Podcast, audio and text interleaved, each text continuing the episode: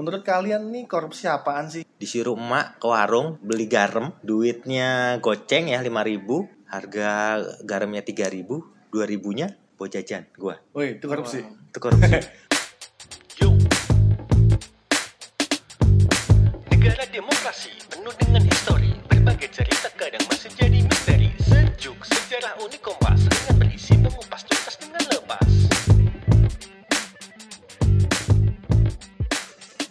Halo Sobat Sejuk, ketemu lagi di Podcast Sejuk bareng saya Inggra dan kali ini ditemani oleh Arif Halo, halo, halo, halo. dan Dana. Halo, halo.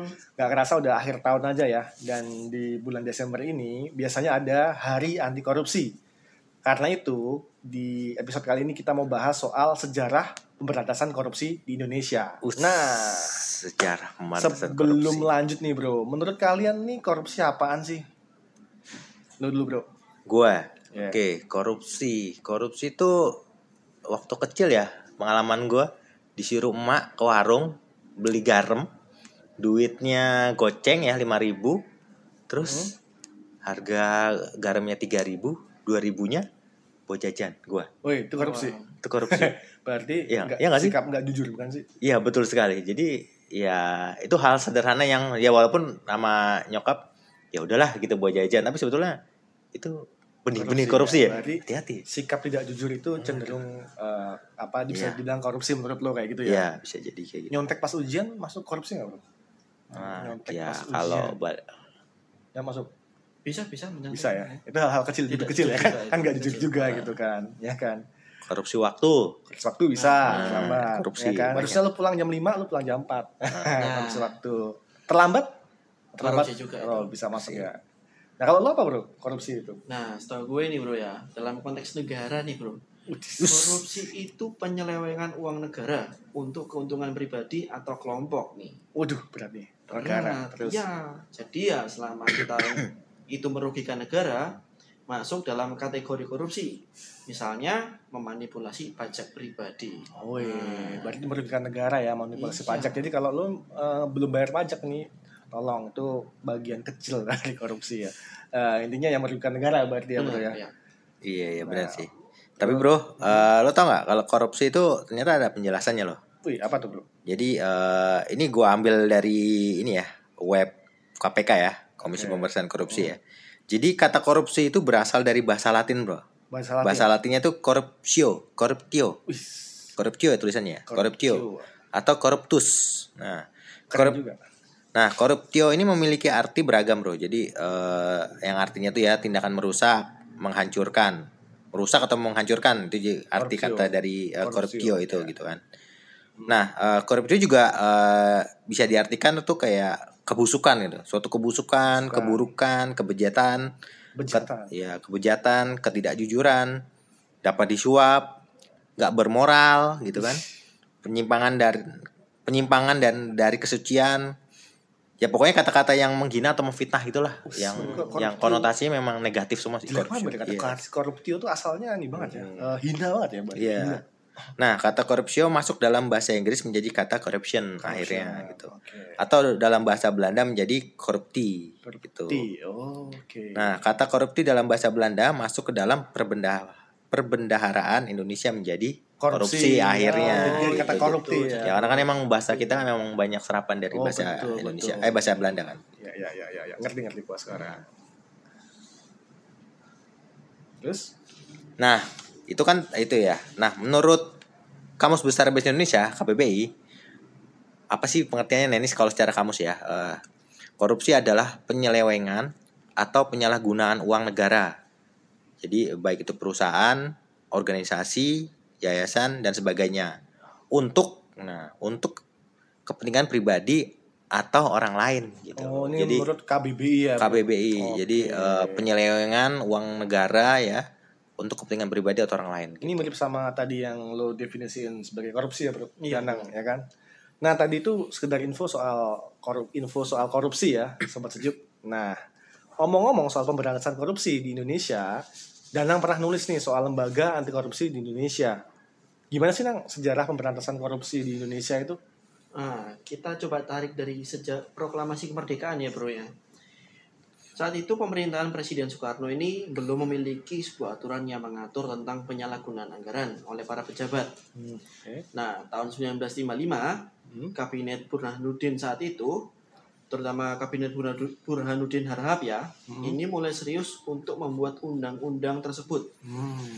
Namun, usaha untuk membuat undang-undang terkait penyalahgunaan anggaran oleh pejabat ini gagal. Wah, sayang banget ya. Nah, Gagal. sayang sekali karena Hmm. sudah mau dirintis tapi gagal ini. Oke. Nah, kemudian Presiden Soekarno ini membentuk lembaga-lembaga yang mengatur aparatur negara untuk mencegah terjadinya korupsi. Hmm. Tetapi lembaga-lembaga ini pun juga tidak berumur panjang. Waduh, sayang banget ya. Tapi berarti ini upaya pemberantasan korupsi sudah dimulai sejak zaman Presiden Soekarno ya, Bro? Iya bro, jadi meskipun kita baru merdeka ini ya, tapi ya tetap aja eh, masih ada kegagalan-kegagalan.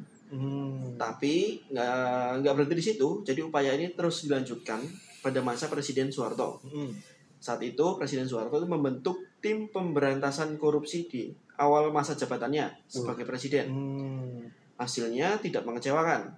Saat itu banyak pejabat yang ditangkap terutama para mantan menteri di era Presiden Soekarno yang dicurigai banyak memiliki barang-barang mewah. Pernah bagus berarti ya Orde Baru ya. Iya, Orde Baru di awal-awalnya pernah bagus gitu. Ya. Nah, namun upaya tim tersebut juga berhenti di tengah jalan. Lembaga-lembaga pemberantasan korupsi ini yang telah dibentuk pada akhirnya belum mampu menindak koruptor-koruptor besar yang mencuri uang negara. Jadi cuman kecil-kecil aja yang ditangkap itu.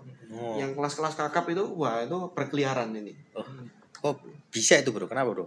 Nah, alasannya sama. Ya ini kedua pemerintahan itu sama-sama masih dibayangi oleh kepentingan politik maupun keluarga. Hmm, yang dibilang itu. Iya, ya, sayang banget ya. Iya. Pada akhirnya upaya itu kandas karena godaan untuk memperkaya diri begitu besar begitu ya. Benar banget itu. Hmm. Nah, dari sejumlah sumber yang gue baca nih, krisis ekonomi tahun 97-98 itu menjadi puncak dari praktik korupsi yang terus dibiarkan pada masa Orde Baru. Presiden B.J. Habibie kemudian mengeluarkan undang-undang anti korupsi, korupsi dan nepotisme, dan undang-undang pemberantasan tindak pidana korupsi. Kedua undang-undang inilah yang kemudian menjadi embrio lahirnya Komisi Pemberantasan Korupsi yang dibentuk di era Presiden Megawati Soekarno Putri pada tahun 2002. 2002. Hmm. Nah, betul banget bro. Jadi ini menjadi cikal bakal dari pemberantasan korupsi pada era reformasi. Hmm. Dimulai pada tanggal 19 Mei 1999. Saat itu ditandai dengan pengesahan Undang-Undang Nomor 28 tahun 1999 tentang penyelenggaraan negara yang bersih dan bebas dari korupsi, kolusi dan nepotisme oleh Presiden B.J. Habibie. Nah, sejalan dengan diberlakukannya undang-undang anti KKN ini, pemerintah juga membentuk lembaga yang bertugas untuk mengawasi para pejabat dari praktek KKN dan pemberantasan korupsi. Hmm. Lem- Lembaga itu bernama Komisi Pengawasan Kekayaan Pejabat Negara atau KPKPN. KPKPN ya. Mungkin namanya waktu ya walaupun waktu itu sudah udah SMP ya gue tuh tahun 2000-an. SMP ya. Tapi namanya kurang bergema ya dibandingkan Hmm, KPK betul, ya betul, gitu kan. begitu. Kurang. Nah, ini nambahin ya informasi tentang KPKPN ini. Jadi KPKP kayak jadi KPKP KP, Jadi KPKPN, KP. KPKPN ini merupakan cikal bakalnya eh, KPK kan gitu kan. Ya. Pada pemerintahan Presiden Abdurrahman Wahid atau Gus Dur ya. Pada tanggal 11 Januari tahun 2001 beliau tuh melantik sebanyak 35 anggota KPKPN di Binagraha Jakarta Selatan setelah melalui proses seleksi yang cukup alot lah Udah gitu. seleksi nih berarti ya. Hmm. Ya. Hmm. Nah, KPKPN kala itu diketuai oleh Yusuf Sakir ya. Yusuf Sakir dengan anggota dari beragam latar belakang profesi.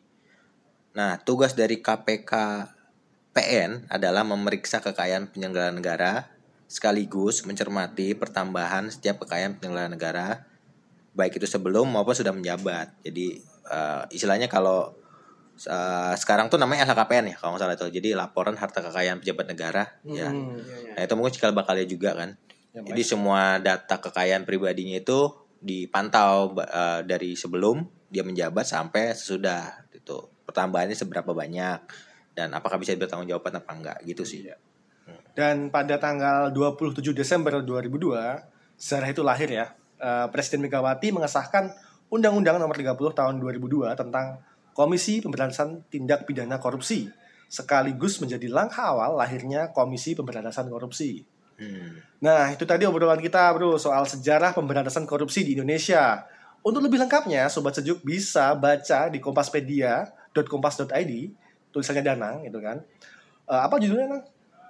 Wah, Sejarah lembaga, sejarah ya. lembaga Sejarah pemberantasan korupsi. Oke, sejarah pemberantasan eh sejarah lembaga pemberantasan korupsi di Indonesia. Hmm. Dan untuk arsip berita-beritanya bisa kalian baca di data.kompas.id atau Kompas Data. Yep. Oke, dan Oke. kayaknya kita cukupkan dulu. Sampai jumpa lagi di podcast sejuk selanjutnya. Yang dulu Dulu, pasti pasti seru.